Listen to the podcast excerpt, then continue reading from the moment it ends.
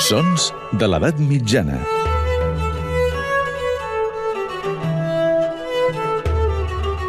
Amb Maria Montes.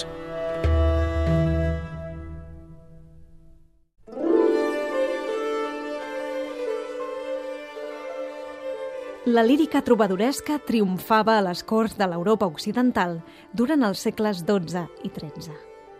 Paral·lelament, un moviment espiritual havia trobat el seu lloc a una gran quantitat de poblacions.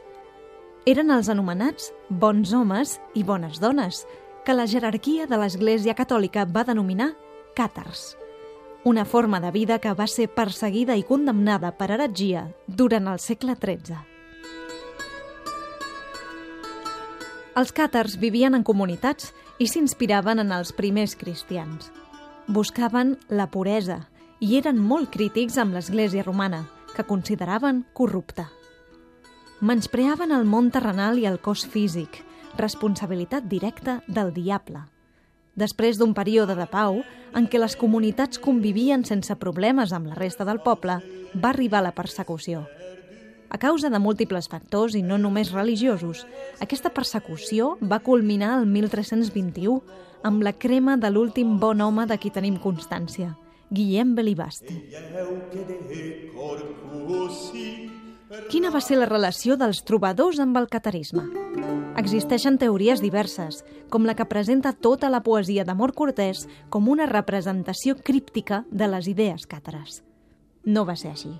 Tot i que alguns trobadors, com Raimon Jordan, s'hi van adherir, no hi ha proves que el Codi Cortès en global sigui una visió simbòlica del catarisme. Tot i això, convivien, però les pistes de la connexió entre trobadors i càtars no les hem de buscar al gènere de la cançó, sinó el del sirventès. Tartarassa mi autore, no senta leucaren poder.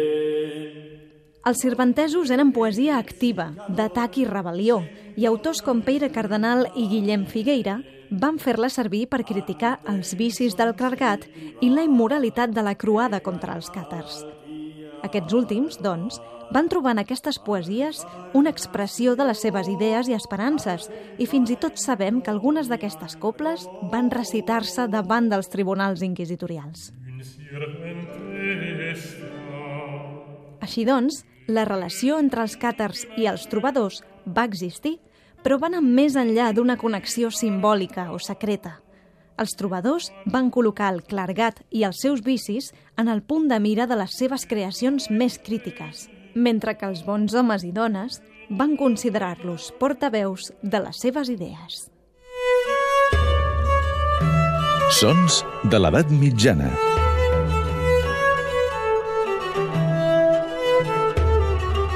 Amb Maria Montes.